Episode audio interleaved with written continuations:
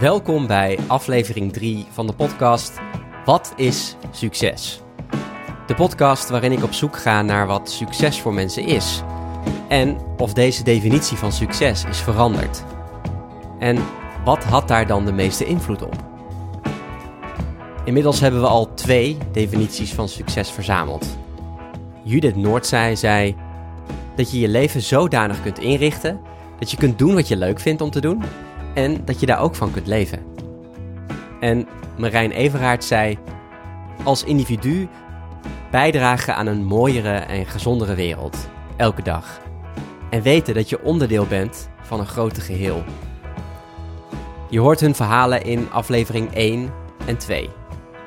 In deze derde aflevering interview ik Zaraida Groenhart. Zaraida helpt ondernemers die stiekem haat-liefde hebben met video om makkelijk en crazy authentiek zichtbaar te worden. Ik vroeg Zaraida natuurlijk meteen naar haar definitie van succes. Ik denk dat dit een vraag is waar je op verschillende dagen voor je gevoel verschillend antwoord op kan geven. Ehm, als ik zo uh, vandaag met jou in gesprek ben, dan voor mij is succes uh, op dit moment heel erg. En heeft denk ik ook te maken met, uh, we nemen dit op ten tijde van de coronacrisis. Um, met um, heel mild zijn voor jezelf. Terwijl je, um, terwijl je de, de hoge hoogtepunten en de diepe dalen van het leven beleeft. Oh, klinkt heel. Maar dat is wel echt. dat is wel echt hoe ik. Uh, uh, het is. Het is um, kan je bevriend met jezelf blijven op de momenten dat je mega lekker gaat, maar ook op de momenten dat je denkt: oh my god, wat ben ik aan het doen? Of wat gebeurt er? Omdat Sarayda heel erg bezig is met het helpen van ondernemers, vroeg ik me af: ja, maar wat maakt een bedrijf dan succesvol? Mooie vraag, leuk. Wat is die definitie voor jou? Ja. Ik denk dat je als bedrijf succesvol bent als je een missie hebt, een visie, die groter is dan jouzelf, ook groter dan jouw ideeën, ook groter dan uh, wat er gebeurt op je bankrekening. Een missie die iets doet voor de hoofden en de harten van de mensen die ermee in aanraking komen. Maar goed, als je, de, als je dat, zeg maar, dit wat jij nu vertelt, mm -hmm. uh, stel dat je dat loslaat op Adolf Hitler, dan was hij ook succesvol. Want hij, uh, even advocaat van de duivel, hij zorgde ook, hij dacht ook iets groters. En hij mm -hmm. zorgde ook dat mensen. Maar wat maakt dan, um, wat, wat maakt dan voor jou het verschil? Intentie, natuurlijk de intentie. Kijk, ja. ik, iemand als, als Adolf Hitler heeft ook de hoofd en de harten geraakt van mensen. De vraag is natuurlijk, wat is daarmee gebeurd? Dat is ook. Ik bedoel, hij heeft ook. Als hij een andere intentie had gehad. Als je kijkt naar uh, hoe hij mensen kon opzwepen met woorden, in beweging kon brengen. Dat is een talent, maar ingezet voor verwoesting. Als hij een andere intentie had gehad. Ja, als daar Greta Thunberg had gestaan. Ja, wat had dat kunnen betekenen? Ja. Ik denk dat je als bedrijf succesvol bent als je een missie of een visie hebt die groter is, die boven jou en je bedrijf uitstijgt, waarmee je de hoofden en de harten raakt van de mensen en die als intentie heeft om een kracht of een stroom van goedheid te brengen. Goedheid. Geluk. Ja, laten we het daar even over hebben, want veel mensen zeggen in de survey dat hun definitie van succes gelukkig zijn is. Aan Sarayda stelde ik de vraag: Oké, als we kijken naar dat grotere geheel, is geluk, het zoeken naar geluk, is dat dan genoeg? Met die zoektocht naar gelukkig zijn elke dag en tevreden zijn met wat je doet, is dat. Um, vind jij dat, uh, vind je dat genoeg? Is geluk genoeg om, om na te streven? Hmm, mooie vraag. Ook voor het grotere geheel bedoel je? Ja, precies. Hmm. Ik denk. Uh, ik weet niet of het de zoektocht is naar geluk. Ik, ben, ik wil ook net als iedereen de hele tijd me lekker voelen. Maar ik ben ook wel van bewust dat dat. Uh, dat, dat ik denk dat de zoektocht naar comfort. en ik ben ook iemand die heel erg van comfort houdt. Maar ik, ik denk dat dat best wel een schadelijke zoektocht kan zijn. Dus zoek toch naar comfort.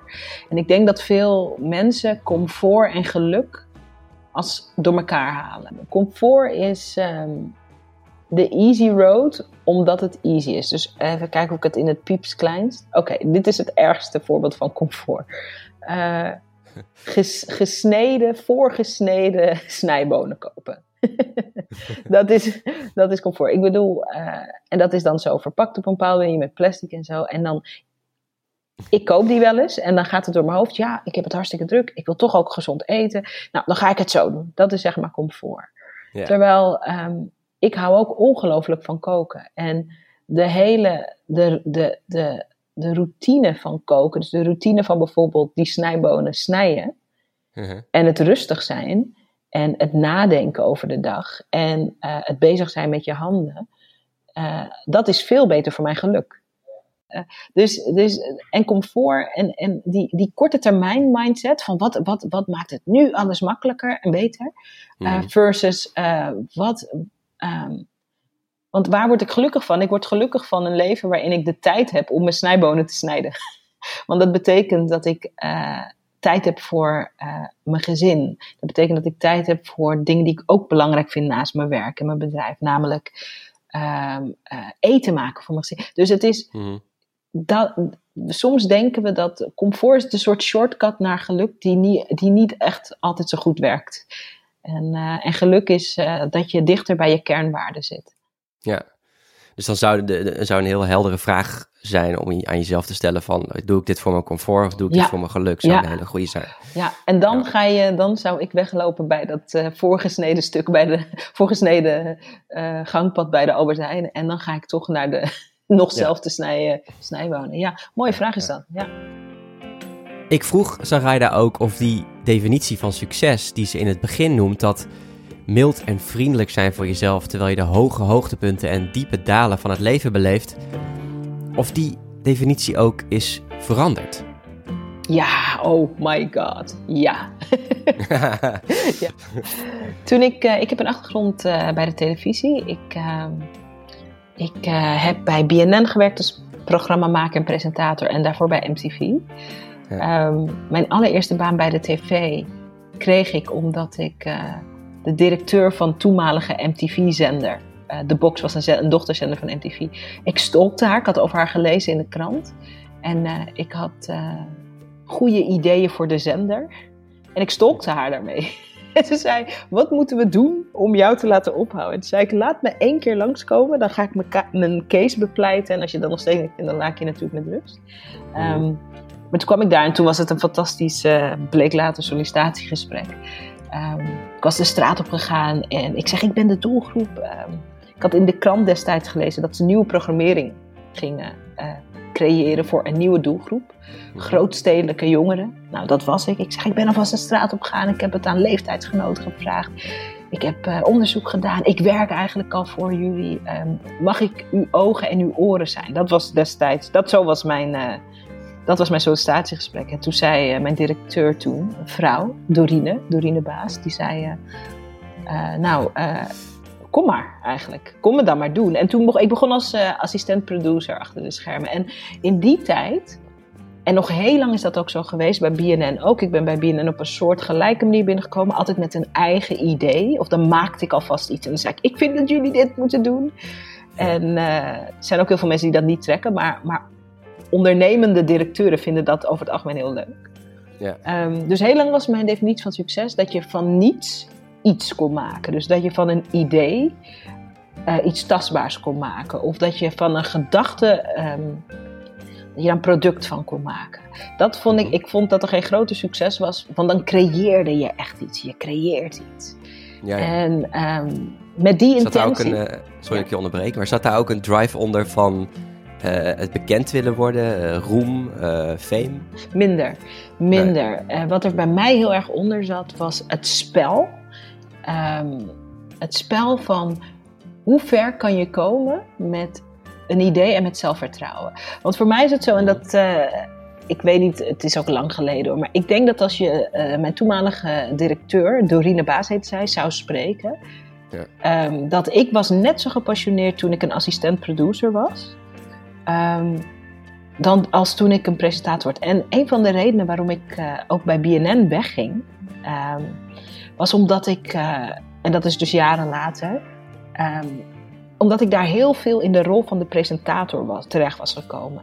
En minder in de rol van maker. En dat maakte mij juist, uh, daar werd ik, dat vond ik heel moeilijk. Dus ik, heb no, ik, ik droomde er niet van om een soort van een glanzende trap af te komen in een of andere studio met een soort spelshow. Dat leek me. Dat, maar ik droomde ervan. Ik, ik, mijn idee, en dat, dat is ook later gebleken, was dat zo'n camera is een paspoort.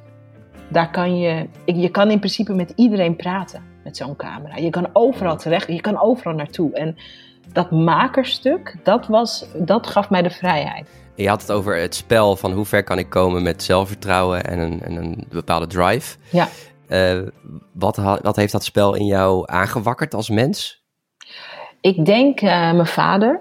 Um, ik had, uh, ik zeg had omdat mijn vader is in 2014 overleden. vlak nadat ik mijn bedrijf begon in 2013 is hij overleden. Maar mijn vader was een hele gekke, een gekke grootdromer. En um, mijn ouders die zijn naar, vanuit Suriname naar Nederland gekomen in de jaren zeventig om te studeren. Uh, mijn moeder pedagogiek en mijn vader natuur en schei en wiskunde. En mijn vader was gewoon een gekke professor eigenlijk. En um, hoe dat eruit zag toen wij bijvoorbeeld heel jong waren. Mijn ouders die zijn gescheiden en als mijn vader ons kwam ophalen op zaterdag, dan reden we van Horen naar Amsterdam, waar hij woonde. Wij woonden in Horen. En dan ineens bij Amsterdam Sloterdijk, dan ging hij van de snelweg af en dan reed hij een industrieterrein op en dan zei hij, oké, tegen mij mijn broertje, oké, iedereen, uh, kies snel een gebouw. En dan, en dan koos je een gebouw en dan zei hij, oké, dat is jullie bedrijf. En uh, wat zijn jullie daar aan het doen? En dan zei ik, uh, ik maak een tijdschrift. En dan zei hij, hartstikke goed. Wat voor soort tijdschrift? paardentijdschrift. Oh, heel leuk. Of een turntijdschrift. En hij oefende met ons, zonder dat wij daarbij dachten dat alle vaders zo waren. Bleek later helemaal niet zo te zijn. Maar hij oefende okay. met ons, zeg maar, vrij uit dromen. Dus hij was helemaal niet de perfecte vader, had ook minpunten natuurlijk. Maar wat hij wel echt gegeven heeft aan ons is um, die verwondering. Zo van, wat is er mogelijk? En ja. dat is een heel toffe basis om mee op te groeien. Ja, het groot, het groot denken en geloven eigenlijk. Ja. Dat ook durven. Ja, ja en, dat het, en er lag helemaal niet, uh, er stond geen druk op. Veel later, ja. toen ik uh, uh, um, relaties kreeg en ook in schoonfamilies kwam, merkte ik dat het helemaal niet zo werkt. Dan zei ik bijvoorbeeld van, het lijkt mij fantastisch om dit. En dan, dit gaat over jaren geleden hoor, zei mijn schoonfamilie hmm. van, oh, hoezo denk je dat jij dat kan? En dan zei ik, Huh? huh? Ja, hoezo? Uh, iedereen wil dat al? Of uh, wat denk je wel niet? Of uh, nou, dat kost hartstikke veel geld. Of nou, dat duurt hartstikke... Oh nee, daar moet je voor studeren. En dan dacht ik, hè? Zo, zo gaat het spel niet. het nee. spel is dat we gewoon hardop mogen dromen. En dan elkaar, met elkaar gaan meedenken. Dat is het spel. En, um, maar dat realiseerde ik me pas later. Dat ja. het niet zo vanzelfsprekend was. Zeg maar, die verandering van die definitie, daar zit, daar zit natuurlijk een tijd tussen. Mm -hmm. Wat heeft daar de meeste invloed op gehad, op die verandering? Hmm. Ik denk uh, om te beginnen uh, het overlijden van mijn vader. Mijn vader die werd in 2014 ziek, kreeg kanker. Um, mijn ouders waren gescheiden, dus um, hij, hij heeft bij mij in huis gewoond, bij mijn toenmalige uh, vriend en ik. En we hebben echt voor hem gezorgd tot hij stierf. Okay. Dat was super bijzonder, maar wel echt ja, nou ja, iedereen die, die een vorm van mantelzorg kent, dat is mega intens. Ik weet niet, um, als je dat meemaakt, uh, daar verander je echt door. Wel, ik vind dat je er beter van wordt, maar je verandert er wel door. Een van de laatste dagen dat, uh, dat hij er nog was, ik voelde, ik werd wakker, dat was een zaterdag. Ik werd wakker en ik dacht, oh, het gaat niet lang meer duren. En toen was ik eerst heel teleurgesteld, toen dacht ik, ja, positief denken. Weet je wel? Dan, je kan jezelf soms zo opzwepen. Het is ook het positief denken type. Je moet positief denken. Nee, dit is negatief. Dus ik probeerde mezelf op te zwepen. Toen zei ik, nee, nee, nee, dit voel ik echt. Dus toen heb ik iedereen gebeld. Uh, mijn moeder, uh, ook al waren mijn ouders uit elkaar, maar mijn moeder, moeders man, mijn broertje, ehm, iedereen gebeld. En eh, ik zei, ik weet niet, maar jullie moeten komen. Jullie moeten allemaal komen. En toen hebben we een dag samen gehad. En mijn vader zat toen al in een rolstoel. En hij sprak niet meer. Ehm, en toen hebben we gewoon eigenlijk een hele middag tegen hem verteld. Uh, allemaal piepkleine dingen waar we blij voor waren dankbaar voor waren. Hele kleine dingen. Weet je nog, toen ik acht was, toen je me met de auto kwam ophalen. Of weet je nog, die ene pestkop in de buurt toen we twaalf waren. En dat je een hele middag in de auto hebt gezeten. Dat we hebben in de wijk doorgereden tot we hem zagen. Dat je hem toen uit het raam hebt geschreeuwd. Die moest opstaan, weet je nog. Allemaal van die kleine dingen. En uh, dat hadden we toen gedeeld. En mijn vader was toen al heel... Uh, hij was echt heel ziek al, heel mager geworden. En uh, hij reageerde niet meer zoveel uiterlijk. Want ik bedoel, iemand is. Uh, maar ik weet zeker dat hij dat allemaal heeft ontvangen, zeg maar. Hm. En, uh, en heel vlak daarna is hij overleden. Echt heel vlak daarna. Ja.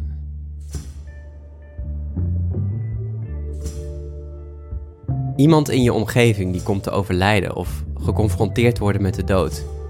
Dit kan een flinke invloed hebben op hoe wij succes zien. En dit komt ook naar voren in de survey. Je beseffen dat er ooit een dag komt dat je komt te overlijden, dat brengt iets urgents met zich mee. Bij deze een quote uit het boek Filosofie voor een weergaloos leven van Lammert Kamphuis. Ik zelf heb gemerkt dat het helpt om voor het nemen van een moeilijke beslissing over een begraafplaats te wandelen. Dit geeft een besef van urgentie.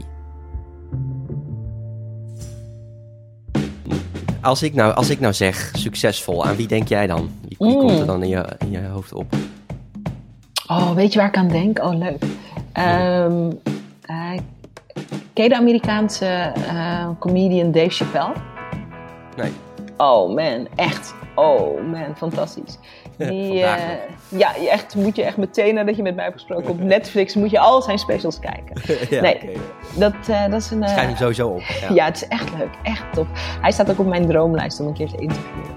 Ja. Um, het is een Amerikaanse comedian, zwarte man. Um,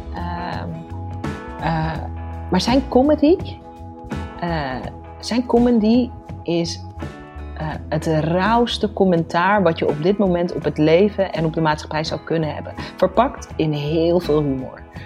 Maar een show van hem maakt dat je anders kijkt naar wat je al dacht te zien als je bijvoorbeeld het nieuws kijkt of uh, als je om je heen kijkt. En dat is zoiets knaps. En waarom ik hem mega succesvol vind, hij, uh, hij heeft een hiaat gehad van 12 jaar. Hij had een mega succesvolle show, um, de, de Chappelle Show. Um, bij Comedy Central. Mega soort recordbrekend. Met, en daar is hij van weggelopen omdat het niet meer integer was. En uh, volgens mij is hij van 50 miljoen dollar, een 50 miljoen dollar deal weggelopen. En hij is 12 jaar onder de radar geweest. En hij vertelt in zijn shows ook wat voor soort tijd dat ook was. Hoe onzeker dat was. Hoe, uh, het is gewoon ook een man met een gezin en dat soort dingen. Um, maar teruggekomen en met als intentie om nog eerlijker dan dat hij al was. Hij was al eerlijk en nog grappiger daardoor, uh, opnieuw het podium te betreden. En ja, mooi. magisch, magisch, magisch. En dat je dat durft. En hij zegt ook tegen alle mensen die een stem hebben, dat zijn we dus allemaal, van dit is de tijd om eerlijker dan ooit te zijn. Met wat er politiek gebeurt, met wat er um, maatschappelijk gebeurt, met wat er op deze planeet gebeurt. Dit is de tijd, zoals hij dat zegt, to speak recklessly honest of honestly, recklessly, of wat, hoe je het ook noemt, maar om zeg maar baanbrekend eerlijk te zijn. Of bijna onverantwoord eerlijk. En I love it. Dat dat, als je helemaal afpelt wat zijn humor is, dat dat aan, daar aan de grondslag ligt. Kijk, sommige comedians, en daar is ook helemaal niks mis mee, die praten over hele algemene thema's, of over zichzelf, of over de liefde, of over seks en al die dingen. En dat is fijn, dat is ook top.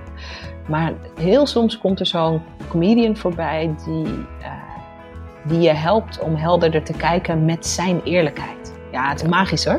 Super. Het doet mij denken aan, uh, aan Derek Sivers, uh, een boek wat ik heb gelezen van Derek Sivers, ondernemer. Hij is uh, zeg maar, muzikant, maar daarnaast is hij ook heel slim met het internet. En hij heeft een idee op een gegeven moment als internet echt net, ja, begin 1999, als het internet nog echt in de, in de kinderschoenen staat, om cd'tjes te gaan verkopen online. En daar, heeft hij, eh, doet hij twee maanden over om überhaupt een buy, eh, een eh, koopbutton ja. te programmeren. nou, dat staat dan, staat dan online. En andere muzikanten kunnen ook hun cd'tjes online verkopen. Ja, dat gaat dus natuurlijk als een gek. Dat, dat, dat groeit, dat groeit, dat groeit. Precies. En steeds meer muzikanten komen naar hem toe. Nou ja, in, in, dan ontstaat er dus een website, cdbaby.com, waar je dus albums kunt kopen. En uh, nou, gedurende zijn ondernemerspad, zeg maar, wordt hij eigenlijk bijna elke dag gebeld door grote investeerders van wij willen in jou investeren, uh, weet je wel, grote injecties. Maar hij zegt altijd nee, nee, ik wil gewoon mensen helpen, muzikanten om me heen en that's it. En daar wil ik gewoon zo goed mogelijk in zijn. Ik hoef niet meer geld te hebben. Mm -hmm. Nou, dat bedrijf groeit uh, ja, groeit natuurlijk wel, omdat hij, ja, dat, uh, er komt meer personeel bij en noemt het allemaal op. Hij doet het allemaal zelf. Ja, en op een gegeven moment verkoopt hij dat bedrijf. En uh, dat, dat is ook echt, houdt iets van een, honderden miljoenen aan over. Wow, en dan, nice. op een gegeven moment zegt, en dan zegt hij van, nou, oké, okay, ik wil 1 of 2 miljoen wil ik houden, dat is voor mij genoeg. En de rest doneert hij aan een muziekdoel, dus aan, wow. gewoon aan een goed doel. Amazing. Ja, de, voor mij is dat echt een held, omdat hij dus ook heel erg um, ja, leeft vanuit, oké, okay, wat is voor mij genoeg? Ja. Uh, en, en, en, hoe wil ik, hoe wil ik vervolgens ook, wat, wat is mijn doel met dit bedrijf? En, en dus niet, niet het groter worden, het, het grote groeien en meer geld en noem het allemaal op, maar veel meer kijken, wat is genoeg en wat kan ik dan met de rest doen? Leuk, ja. Heel top. interessant. Uh, of ja, ook echt een voorbeeld voor, voor, voor, voor, voor mijn toekomst. Leuk man. En het boek heet nog één keer, want dan ga ik er meteen downloaden dat we hebben gesproken. Het is, heel, uh, het is een heel kort, uh, kort boekje, heel lekker ook om te lezen. Anything You Want van Derek okay. Sivers. Ja. Oké, okay. top. Zaraida, bedankt voor dit mooie gesprek. Mijn onderzoek gaat door en ik zou aan jou willen vragen of je me wil helpen om mijn onderzoek nog rijker te maken. Laat me weten wat jouw definitie van succes is door te gaan naar growthinkers.nl/survey. Bedankt voor het luisteren en tot de volgende aflevering van Wat is succes?